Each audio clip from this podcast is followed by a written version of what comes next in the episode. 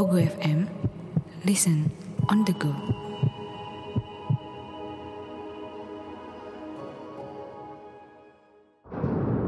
Hai, saya Chow Sing Sing. Selamat datang di podcast Horror Night Story. Pasang telinga, buka pikiran, dan biarkan rasa takut merayap di dalam dirimu. Selamat mendengarkan.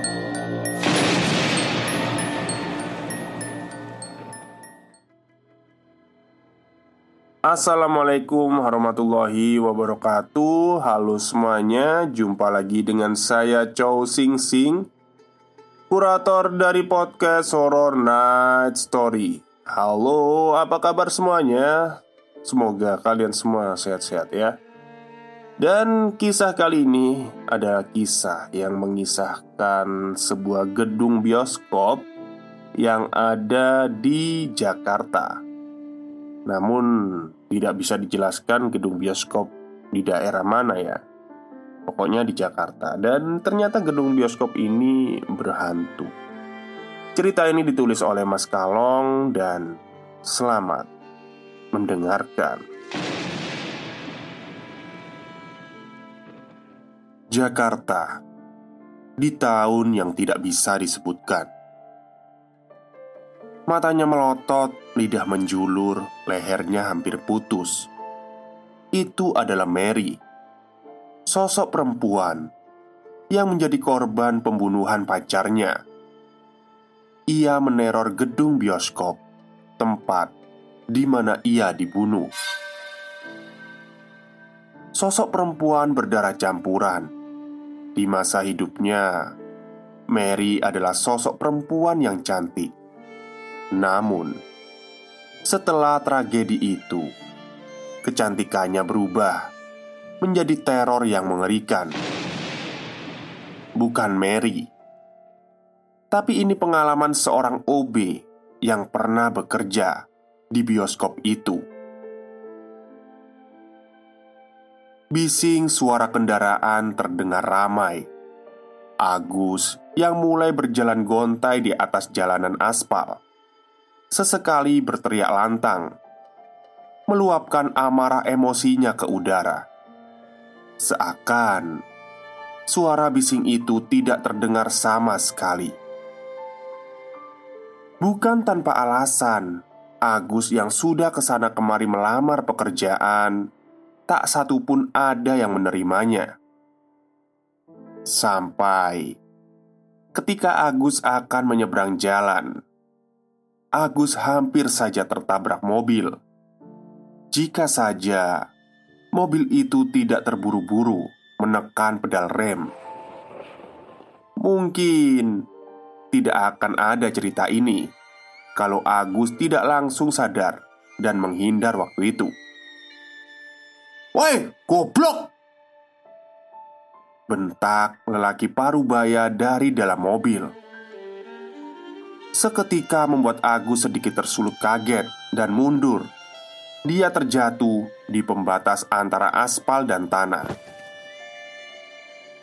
Selama dalam perjalanan, Agus masih dirundung kebingungan. Ke mana lagi ia harus mencari pekerjaan nantinya? Sementara ia harus menanggung hidup keluarganya. Tentunya Agus membutuhkan biaya yang lebih. Ini adalah pengalaman mistis sekaligus mengerikan yang aku alami ketika bekerja di salah satu gedung bioskop tua di Jakarta. Namaku Agus. Aku jauh-jauh datang ke Jakarta untuk mencari kerja. Sudah lima perusahaan yang kudatangi. Tak ada satupun yang mau menerimaku sebagai karyawan. Karena sudah buntu dan tak ada saudara juga di sini Aku memutuskan untuk balik ke kampung saja. Tapi untungnya Kawan lamaku yang ternyata tahu tujuanku ke Jakarta Dia menawariku untuk memasukkan lamaran ke salah satu gedung bioskop. Awalnya aku ragu mau menerima tawarannya karena yang mereka cari adalah OB. Tapi setelah aku pertimbangkan, ya aku terima sajalah. Toh, siapa tahu nanti ada lowongan kerja lain. Hitung-hitung batu loncatan pikirku. Setelah aku datang dan menyerahkan dokumen lamaran, Ternyata mereka buru-buru. Tanpa wawancara aku langsung diterima jadi OB Hari pertama aku bekerja. Aku bertemu dengan yang namanya Mas Amir. Dia ini orangnya baik dan juga OB di bioskop ini Aku merasa agak aneh sebenarnya Soalnya kalau dilihat dari segi arsitekturnya Kesannya bioskop ini tua banget. Ada beberapa plafon yang tampak sudah mau roboh dan rusak. Aku sempat membatin, "Kok gini amat ya?" Apalagi pengunjung yang datang bisa dihitung dengan jari. Aneh sih menurutku. Tapi ya mau gimana lagi? Daripada aku nggak dapat kerja kan Mas Amir pun langsung mengajakku untuk berkeliling Dia juga memberitahu semua ruangan dan lorong yang nantinya perlu dibersihkan Sampailah aku dan Mas Amir Di depan sebuah ruangan Yang katanya sih gedung tua. Oh, oh ya Gus. Untuk ruangan ini nggak usah dibersihkan ya. Ini biarin aja nggak apa-apa. Kata Mas Amir. Loh, emangnya gudangnya kenapa mas? Tanyaku penasaran. Ada tulisannya dilarang masuk. Pokoknya nggak boleh masuk loh ya Daripada kamu kena SP sama si bos Jawab Mas Amir Gus, sekali lagi inget ya Apa pun yang terjadi, jangan sampai kamu masuk sini. Sambung Mas Amir menjelaskan sekali lagi. Ya, karena itu aku jadi penasaran sebenarnya. Apa sih yang ada di dalam gudang itu? Kok sampai seluruh karyawan tidak boleh masuk? Dan ini nanti akan terjawab. Setelah selesai instruksi, aku langsung memulai pekerjaan. Dimulai dari toilet, ruangan bioskop, hingga lorong-lorong. Ternyata pekerjaanku kurang bersih. Aku tiba-tiba dimarahi oleh Pak Manajer karena ternyata ada beberapa titik yang masih kotor. Tanpa perintah dia, aku langsung membereskan. Takut kalau gajiku dipotong atau dipecat. Singkatnya, beberapa hari kemudian malam itu diguyur hujan deras banget. Karena aku masih ada tanggungan pekerjaan, jadi terpaksa aku menyelesaikannya terlebih dahulu. Padahal bioskop ini tidak begitu ramai, tapi kenapa kotornya kayak seolah-olah itu banyak pengunjung gitu? Aneh deh. Sebenarnya aku nggak sendiri. Ada satpam juga Tapi dia jaga di luar. Pas aku lagi ngepel di lorong Kok seperti ada genangan air yang mengalir ya? Aku cek ke sana untuk membersihkan Tapi kok nggak hilang-hilang airnya? Hampir sejam kalau nggak salah. Tapi tetap aja nggak bersih. Jadi semacam kayak ada kebocoran gitulah. Karena penasaran akhirnya aku ikuti aliran air itu. Sampailah aku di depan gudang lama yang gak boleh dimasuki itu. Ternyata kebocoran ada di dalam gudang.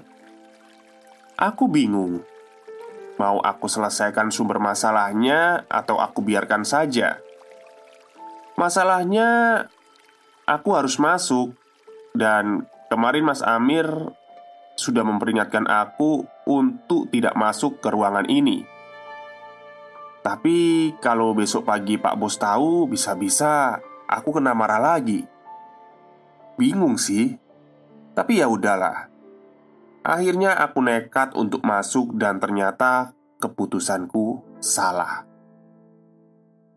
Pas pintu terbuka, ruangan benar-benar gelap banget. Dan terasa banget kalau ruangan ini kotor. Kelihatan dari debunya yang tebal dan lembab. Aku pikir sepertinya gudang ini memang gak pernah dibersihkan Dan malam ini Aku adalah orang pertama yang berani masuk Aku nyalakan senter untuk melihat sekeliling Pas di dalam ruangan Aku juga merasa kalau aku di sini gak sendirian Semacam kayak ada seseorang yang memperhatikanku Tapi Aku belum tahu posisinya di mana. Tapi aku masih bodoh amat lah waktu itu. Niatku ke sini hanya untuk memperbaiki kebocoran. Akhirnya, setelah berputar-putar ruangan, aku menemukan sumber masalahnya. Dengan alat seadanya, aku coba untuk memperbaiki, dan syukurnya cepat teratasi. Nah, di sini adalah kejadian yang bikin aku merinding. Pas aku dalam posisi jongkok lagi benerin, tiba-tiba aku merasa ada yang menyentuh pundakku. Refleks dong, aku noleh ke belakang sambil mengarahkan senter ke sana. Tapi anehnya, gak ada apa pun dan siapa pun. Aku sudah harap-harap cemas takut kalau aku ketahuan masuk ke ruangan ini. Aku buru-buru menyelesaikan pekerjaan ini. Belum juga tenang karena ada sentuhan. Tiba-tiba aku mendengar ada suara bisikan. Refleks aku noleh lagi ke belakang dan mengarahkan senterku. Dan ya, masih sama, kosong tak ada siapa pun. Nah, sekarang tanganku sudah gemeteran sampai senter yang aku gigit saja jatuh. Dan gak lama aku selesai menambal pipa yang bocor tadi. Pas aku mau berbalik dan keluar, mendadak aku mencium aroma yang benar-benar busuk, kayak bau bangkai, dan itu membuatku tambah gelisah. Semakin gelisah, semakin membuat kakiku berat untuk melangkah. Seperti aku sedang menyeret sesuatu yang aku sendiri tidak tahu itu apa. Dengan sisa-sisa keberanian, akhirnya aku berhasil sampai pada penok pintu gudang. Aku berhasil keluar tapi sebelum aku menutup pintu, aku ingin memastikan saja kalau di dalam tidak ada apa-apa. Aku arahkan senter ke kanan dan ke kiri. Masih aman. Tapi ketika senter terarah tepat di depan sana, jelas banget aku melihat ada sepasang kaki pucat, dan entah kenapa ada hawa lain untuk aku terus mengarahkan senter itu ke atas. Semakin ke atas, dan aku bisa melihat tubuh dari sosok perempuan hingga tepat di wajahnya. Dia tersenyum menyeringai dan di akhir cerita, dia tertawa. Sontak hal itu membuatku buru-buru menutup pintu. Aku benar-benar shock dan ketakutan. Saat itu juga aku memutuskan untuk segera pulang saja.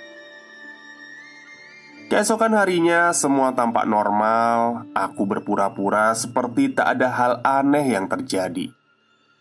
Walaupun dalam hati aku benar-benar ketakutan Kalau sampai ada yang tahu jika aku sudah masuk ke gudang itu Seperti biasa aku melakukan aktivitasku sebagai OB. Sampai akhirnya Mas Amir menemuiku menanyakan sesuatu. Gus, lu tahu nggak alat-alat kebersihan pada ke mana? Kok ngilang semua? Tanya Mas Amir. Waduh, saya nggak tahu nih mas. Perasaan semalam udah saya balikin ke tempatnya. Aku menjawab sekenanya. Tapi di sisi lain Aku juga benar-benar nggak tahu. Ya udah kalau gitu Bantu gue nyariin ya Gus. Ajak Mas Amir. Dan ketika aku dan Mas Amir mencari di setiap ruangan di sana tidak ada satupun alat yang tertinggal. Hanya ada satu ruangan yang belum kita cek waktu itu, dan itu mengarah pada ruangan terlarang. Hmm, masa iya ada di dalam sana, Gus? Tanya Mas Amir. Waduh, saya juga nggak tahu loh, Mas. Mau dicek dulu tak ke dalam? Aku balik bertanya. Eh, jangan deh. Udahlah biarin aja Sergah Mas Amir. Tapi pada akhirnya aku dan Mas Amir mengabaikan ruangan itu Dan memutuskan untuk membersihkan dengan peralatan seadanya. Hari itu berlalu tanpa ada yang aneh hingga waktunya aku pulang Keesokan harinya, tepatnya di malam hari, terjadi keributan antara pengunjung dan karyawan yang jaga di bagian kafe. Karena penasaran, akhirnya aku menanyakan pada salah satu pengunjung yang saat itu sedang mengantri. "Permisi, ada ribut apa ya ini?" "Ini, Mas, masa kita beli popcorn dikasih yang basi?" Hah? Basi mas? Iya, ini coba masnya cium. Dan benar saja Ketika aku mencium bau dari popcorn itu Oh Kalian tahu pasti Baunya itu semacam jagung rebus tapi udah basi. Bener-bener Gak enak sama sekali lah baunya. Oh iya mas ini basi. Ya udah mas Maaf malah kepo. Saya lanjutin kerja dulu ya. Sambungku berpura-pura. Takut kalau nanti aku kena komplain dan disuruh ganti rugi. Dan untungnya Malam itu bisa teratasi. Pak Bos bertanggung jawab atas insiden makanan basi ini. Yang jadi masalah seusai bioskop ditutup semua karyawan termasuk aku dipanggil untuk menghadap ke ruangan Pak Bos. Aku dan beberapa karyawan lain diinterogasi Dan memang kami semua benar-benar gak tahu. Sedangkan salah satu karyawan sebut saja namanya Mbak Rini. Dia Yang saat itu jaga di bagian kafe. Katanya ditanya sama Pak Bos dia juga nggak tahu kenapa popcornnya bisa basi seperti itu. Padahal Mbak Rini bilang itu baru dibuat. Setelah ada drama kecil di ruangan Pak Bos, kami semua akhirnya membubarkan diri dan pulang. Singkatnya, beberapa hari kemudian, keanehan dan kejanggalan mulai nampak terjadi para pengunjung bioskop yang menonton film. Mereka mengaku diganggu oleh sosok perempuan dengan wajah pucat. Katanya, ada yang melihat sosok perempuan sedang berjalan melewati penonton. Tapi ketika ditengok di sekeliling, tidak ada siapa-siapa. Terus kadang ada sosok perempuan berdiri diam di bawah layar bioskop dan menatap mereka yang sedang menonton. Juga ada beberapa kali juga ada yang bilang katanya ada suara tangisan dan teriakan saat mereka menonton film. Ya, aku pikir mungkin itu suara dari filmnya. Aku masih berpikir positif lah. Soalnya aku juga kerja di sana. Paham ya maksudnya? Dan ternyata dari katanya itu Aku mengalami sendiri. Dan Ini kejadian yang kedua kalinya. Ketika aku sedang membersihkan cermin di toilet Tiba-tiba aku mendengar ada suara perempuan menangis. Suaranya itu lirih tapi menyayat hati. Semacam tangisan kesedihan lah. Ya, aku agak kaget karena aku lagi bersih-bersih di toilet pria, tapi kok ada suara perempuan ya? Aku cek satu-satu bilik kamar mandi, tapi semuanya kosong, nggak ada orang. Semakin ke sini, suaranya semakin keras. Aku mulai merinding. Soalnya itu udah mulai larut malam. Pas pikiranku kacau, tiba-tiba aku melihat dari pantulan cermin ada sosok perempuan yang sama ketika di gudang kemarin malam. Dia menatapku sambil minta tolong. Tolong saya, tolong saya. Dengan jurus seribu langkah, Aku berlari menuju ruangan ganti dan cepat-cepat segera pulang.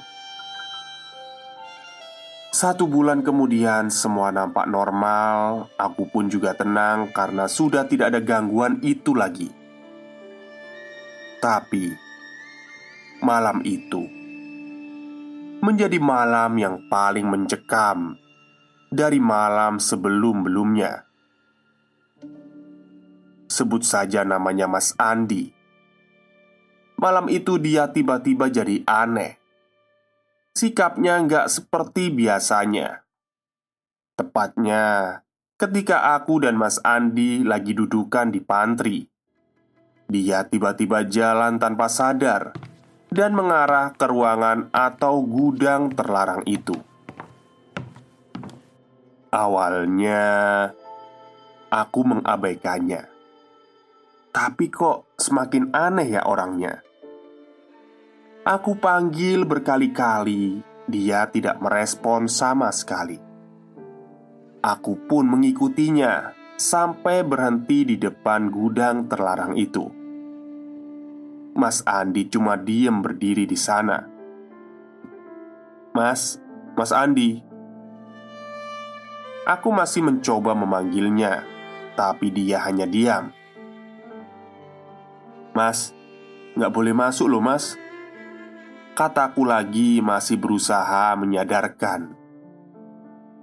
Tapi tak lama kemudian Dia masuk ke ruangan Dan dengan cepat Dia tiba-tiba berontak.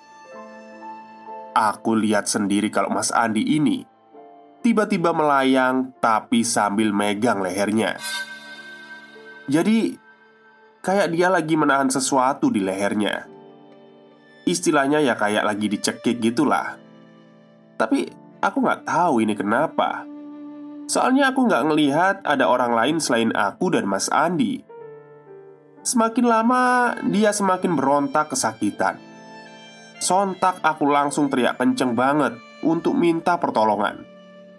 Dan gak lama kemudian Mas Amir dan beberapa karyawan lain datang. Aku Mas Amir dan yang lainnya berusaha untuk menarik keluar Mas Andi tapi seolah tubuh Mas Andi ini ada yang menahannya. Sekuat tenaga kami berlima menarik Tapi benar-benar susah. Seolah ada energi kuat yang menahannya. Sampai kami semua ngos-ngosan kehabisan tenaga Mas Andi Yang tidak habis akal. Dia minta salah satu dari kami untuk meminta bantuan lagi. Tapi sayangnya Sebelum ada bantuan datang, Mas Andi sudah meninggal, dan malam itu kami semua dipanggil Pak Bos untuk diinterogasi. Yang membuat aku terkejut, apa hubungannya kematian Mas Andi dengan gudang terlarang itu? Pasalnya, Pak Bos menanggapi kalau kematian Mas Andi ini ada sangkut pautnya dengan pemasukan bioskop yang berkurang drastis. Loh, maksudnya gimana ini? Apa hubungannya? Dalam hati aku juga agak kesel. Lalu Pak Bos menanyakan semua karyawan yang ada di ruangannya. Kalian semua sekarang jujur sama saya. Siapa yang sudah berani Buka ruangan itu. Awalnya, kita semua diam saja. Gak ada yang ngejawab. Tapi, setelah Pak Bos memutar rekaman CCTV, ya, apa boleh buat, aku ketahuan. Otomatis semua karyawan yang ada di situ menoleh ke arahku. Tatapan mereka benar-benar mengintimidasi dan seolah tak percaya. Kan sudah diperingatkan, jangan dibuka. Kamu kok berani sekali, Mas? Katanya tegas tapi marah.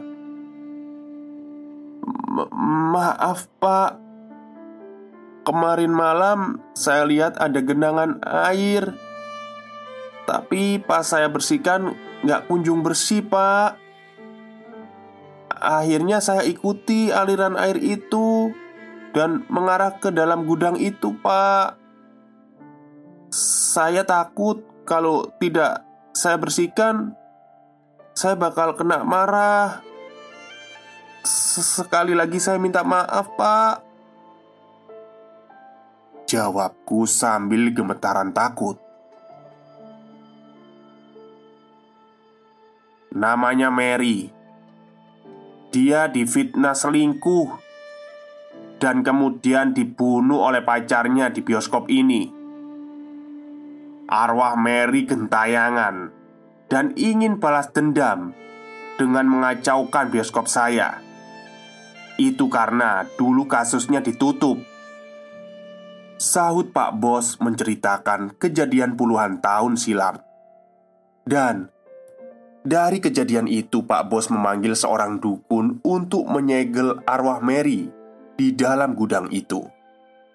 Makanya, sampai sekarang gudang itu tidak boleh dimasuki. Tapi sekarang aku malah membuat situasi itu menjadi semakin rumit. Dan akhirnya Pak Bos memutuskan untuk memanggil si dukun itu lagi. Kalau dilihat dari kejadian kematian Mas Andi, bisa aku pastikan kalau dendam amarah Mary ini begitu besar. Pasalnya, dia tidak pandang bulu untuk membunuh orang lain yang mencoba menghalanginya. Seperti halnya malam itu, si dukun membutuhkan bantuan sebanyak mungkin. Karena kekuatan dendam Mary itu begitu besar.